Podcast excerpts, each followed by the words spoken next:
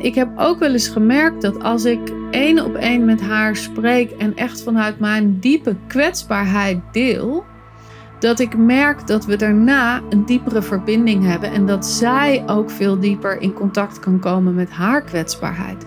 Dus dan is het als het ware tussen aanhalingstekens een doel om transformatie bij je cliënt teweeg te brengen. Welkom bij de Sensueel Belichaamd Leiderschapspodcast met Janneke Robers. Dit is de podcast voor vrouwelijke coaches en leiders die zichzelf willen bevrijden van eeuwenlange conditioneringen die hen klein houden. En de podcast die je ondersteunt in het ontwaken van je volle vrouwelijke potentieel. Welkom in mijn hoofd, hart en bekken.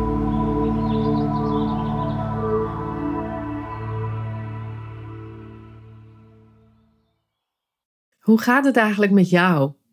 vroeg een deelnemer van me aan het eind van een sessie.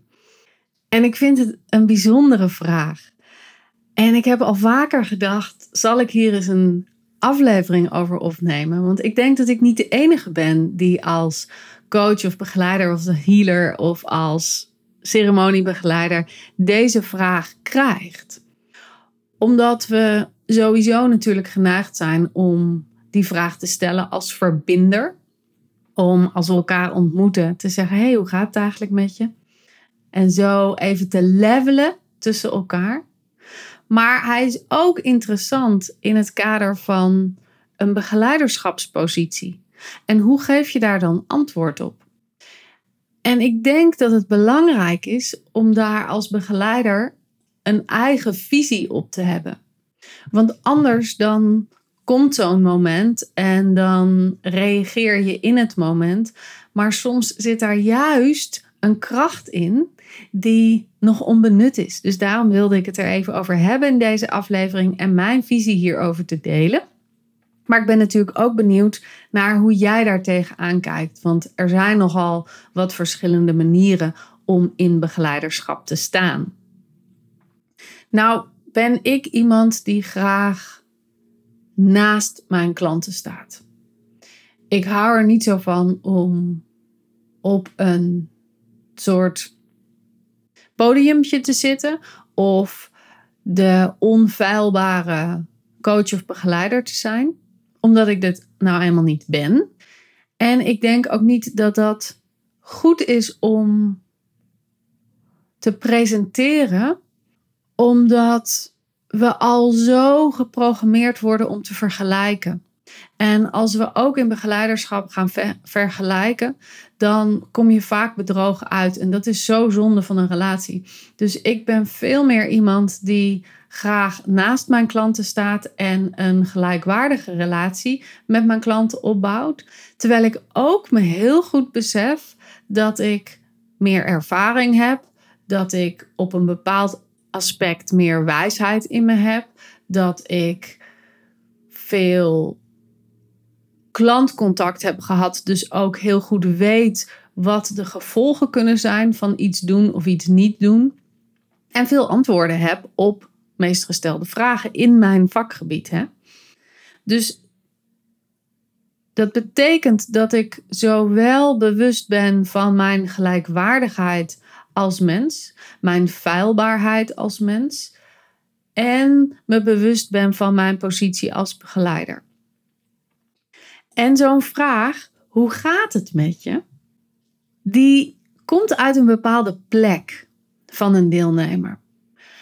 Als die gesteld wordt aan het begin van een sessie of een programma of een gesprek of wat dan ook, aan het begin, dan is het vaak gesteld vanuit een: hey, kunnen we even contact maken met elkaar? Kunnen we even levelen? Kunnen we even elkaar ontmoeten?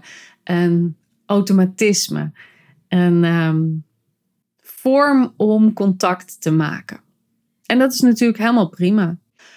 En op zo'n vraag kun je dan natuurlijk antwoorden hoe het met je is.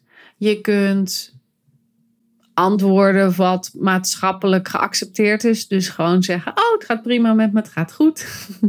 een beetje zo'n luchtledig antwoord. Je kunt ook echt antwoorden hoe het met je gaat. En dan wel in de gaten houden dat wat je deelt aan het begin van een sessie of een programma altijd invloed heeft op de rest van die sessie of programma. Dus daar moet je heel erg bewust mee omgaan. Omdat de eerste aanzet van een dag altijd het thema van de dag in zich houdt. En als dat betekent dat bijvoorbeeld er iemand net overleden is en je hebt net een begrafenis gehad en je deelt dat, dan zal de dood en het leven en het contrast daartussen, die polariteit, zal meegaan in de dag. En heb je dus te realiseren dat je te werken hebt met dat stuk. Dus het is goed om van tevoren te bedenken: wat zou ik wel willen delen en wat zou ik niet willen delen over mijn persoonlijke leven op het moment dat iemand vooraf daarnaar vraagt.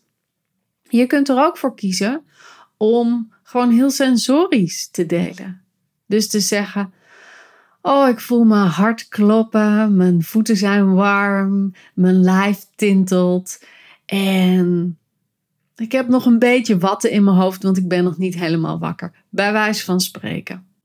En dan ben je veel meer bezig met de zintuigelijke ervaring. En zorg je dus ook al, omdat dit aan het begin is, dat je iemand heel erg in contact brengt met het hier en nu en met de zintuigen. En dus alert maakt van wat gebeurt er in jouw lijf. Dus dat is ook weer een andere manier om een ingang te vinden voor de rest van de dag. Nou kunnen mensen ook de neiging hebben om het achteraf te vragen. Dus dat ze een heel verhaal hebben gedeeld over zichzelf in een sessie. Dat je diep bent gegaan en dat ze dan zeggen: hey, hoe is het eigenlijk met jou? En dat is ook een bijzondere om te gaan ontrafelen van hey, waar komt die vraag vandaan? Is dit omdat je het gevoel hebt als klant dat je nu te veel ruimte hebt ingenomen en nu moet het ook even over de ander gaan? Dus we moeten de balans herstellen. Of gaat het erover dat je goed wil afsluiten en dus ook nog even aandacht wil hebben voor de begeleider? Is het vanuit beleefdheid? Is het omdat je het gevoel hebt dat je nog een diepere verbinding wilt opbouwen met de begeleider? Of komt dat omdat de klant jou als rolmodel wil zien en dus wil zien hoe doe jij dat in jouw leven? Er zijn dus allerlei varianten van waaruit die klant dat vraagt. Hoe gaat dat met je? Dus het is belangrijk om het perspectief en de plek van de klant te zien. Ook omdat de klant zich dan erg gezien voelt als jij die plek benoemt. Of als jij inspeelt op het hoe en waarom die vraag eigenlijk gesteld wordt.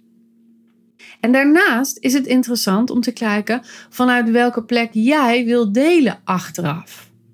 Dus deel je dat vanuit de plek als begeleider en ga je dus met het vertellen van hoe het met jou gaat nog een laag toevoegen aan jouw begeleiding. En is dat dan ook nog nodig? Of is dat misschien zelfs een te veel op dat moment? Of zet je het in als een soort van ankeiler voor de volgende sessie? Zo van, nou, dit en dit speelt er in mijn leven. En misschien raakt dat ook aan stukken waar jij mee bezig bent. En misschien kunnen we het daar de volgende sessie over hebben. Zodat je al wat voorwerk in de week legt, zeg maar. Of neem je de tijd om echt te delen vanuit kwetsbaarheid en vanuit persoonlijke ervaring, omdat je weet, dit doet een klant van mij goed, omdat wij dan een veel diepere verbinding hebben. Ze kan dan veel beter voelen vanuit welk perspectief ik praat en wat voor soort begeleider of wat voor soort mens ik eigenlijk ben en hoe dat zich in de begeleiding vormt. Ik heb bijvoorbeeld een, een, een klant die mij dat regelmatig vraagt. En Soms ga ik daar wel op in en soms ga ik daar niet op in. Dat is echt afhankelijk van wanneer en waar in het programma ze dat vraagt. En ik heb ook wel eens gemerkt dat als ik één op één met haar spreek en echt vanuit mijn diepe kwetsbaarheid deel, dat ik merk dat we daarna een diepere verbinding hebben en dat zij ook veel dieper in contact kan komen met haar kwetsbaarheid. Dus dan is het als het ware tussen aanhalingstekens een doel om transformatie bij je cliënt teweeg te brengen. En dat klinkt natuurlijk nu heel erg of ik dat bewust met mijn brein inzet en klinkt misschien wel een beetje manipulatief ook. Maar zo bedoel ik dat natuurlijk niet het is wel belangrijk om te realiseren vanuit welke plek jij deelt en met welk doel je dat deelt, omdat je altijd de rol als begeleider houdt. En dat dat jouw functie is. Daar betalen je klanten voor. Dus het is belangrijk dat je die rol ook inneemt op de best mogelijke manier. En dan niet voor jou, maar voor dienend voor jouw klant. En als we het nu toch hebben over hoe je rol is als begeleider ten opzichte van de klant, dan vind ik het ook wel belangrijk om te delen dat ik heel veel persoonlijke verhalen inbreng gedurende een live dag met mijn klanten. Omdat ik zowel van mijn tussen aanhalingstekens fouten gebruik maak om leermomenten te delen, als wel dat ik me kan verbinden met mijn eigen kwetsbaarheid en mijn eigen mens zijn en mijn eigen onmacht soms en mijn eigen triggers die nou in mijn dagelijks leven natuurlijk voorkomen, maar ook in groepsessies af en toe naar boven schieten. En dat ik kan voelen dat als ik dat deel, als ik dat naar buiten breng en niet alleen aan de binnenkant ervaar, maar als binnenkant en buitenkant overeenkomen en als die congruent zijn, dat ik daarmee een rolmodel ben voor mijn klanten. Dat zij kunnen zien, oh zo doet Janneke het en zo zou ik dat misschien ook wel kunnen doen als dat voedend is voor mij. En daarnaast helpt het heel erg, zoals ik net ook al zei, als ik mij kwetsbaar en open opstel, dat zij dat ook kunnen doen. Iemand heeft voor te gaan. En dat is natuurlijk de plek van de begeleider. De begeleider heeft in te zetten wat de rest van de deelnemers gaan doen. Jij maakt als het ware de glijbaan. Dus hoe meer jij van jezelf inbrengt, of dat nou is aan de oppervlaktelaag of aan de gevoelslaag of aan de sensorische laag of aan de emotionele laag. Daar heb je allemaal varianten van hoe je daarop kan inzetten. Dat is de, uh, de glijbaan waar jouw klanten ook op meegaan. En dan zijn er begeleiders en die hebben de visie dat een begeleidersrol vooral een canvas is waarop deelnemers kunnen projecteren. En dat een begeleider vooral niet zijn eigen processen en zijn eigen stukken in moet brengen, omdat dat verwarrend is voor de klant. Nou, zo sta ik er helemaal niet in. Ik ben echt niet zo'n psychiater die achter de bank zit en jou dan maar laat praten, eh, omdat jij dan tot een eigen conclusie kan komen. Nee, dat vind ik echt. Eh... Ja, ik geloof daar niet zo in. Ik geloof dat het leren in de verbinding zit. En dat bijna ieder transformatieproces begint bij hechting en verbinding. En hechting is het eigenlijk het allereerste wat we doen als we uit de schoot van onze moeder komen. En als we geluk hebben, kunnen we op een gezonde manier hechten. En als we een beetje nou, standaard zijn, zoals het merendeel van de wereld, hebben we allemaal gaten en verstrikkingen in die vorm van hechting.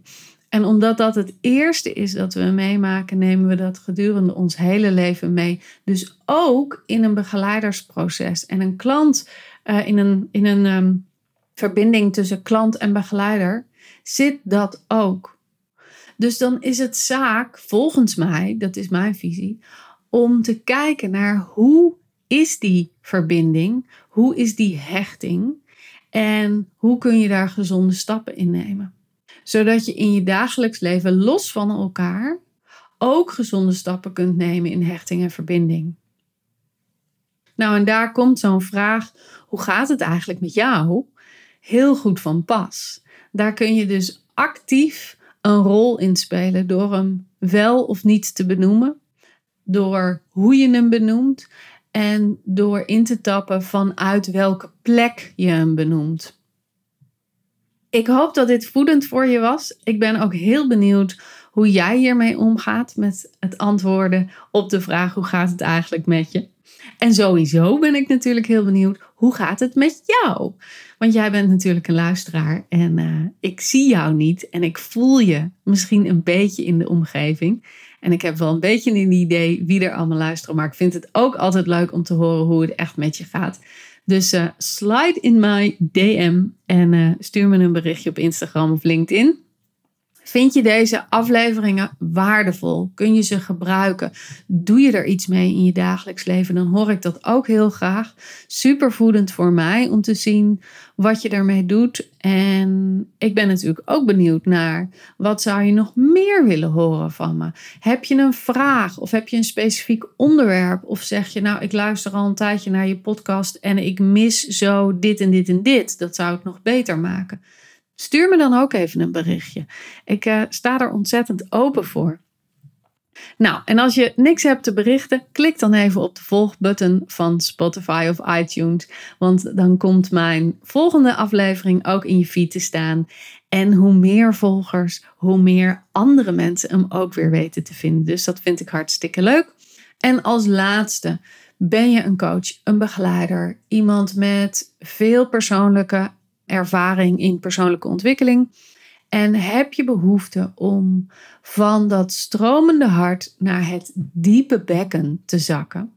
En vanuit sensualiteit, levenslust en diepe energetische verbinding wakker te worden en jouw lijf te laten stromen en dat ook in te kunnen zetten in je werk, in je relaties, in je leven, zodat de boel weer bruist. En zodat jij al je vrouwelijke capaciteiten kan inzetten om dat te doen waarvoor je hier bent.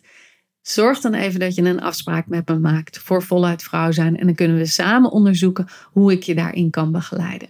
Ik doe dit werk nu al 15 jaar en dit wordt het negende jaar dat we voluit vrouw zijn gaan draaien. En uh, ik kan alleen maar zeggen, het is sensationeel en er zijn echt super transformaties. En iedereen die instapt heeft een aha-erlevenis gedurende het jaar. En nou, er worden magische resultaten geboekt. Dus ik nodig je van harte uit om daar ook aan mee te doen. En uh, wie weet zien we elkaar dan in levende lijven. Doei doei!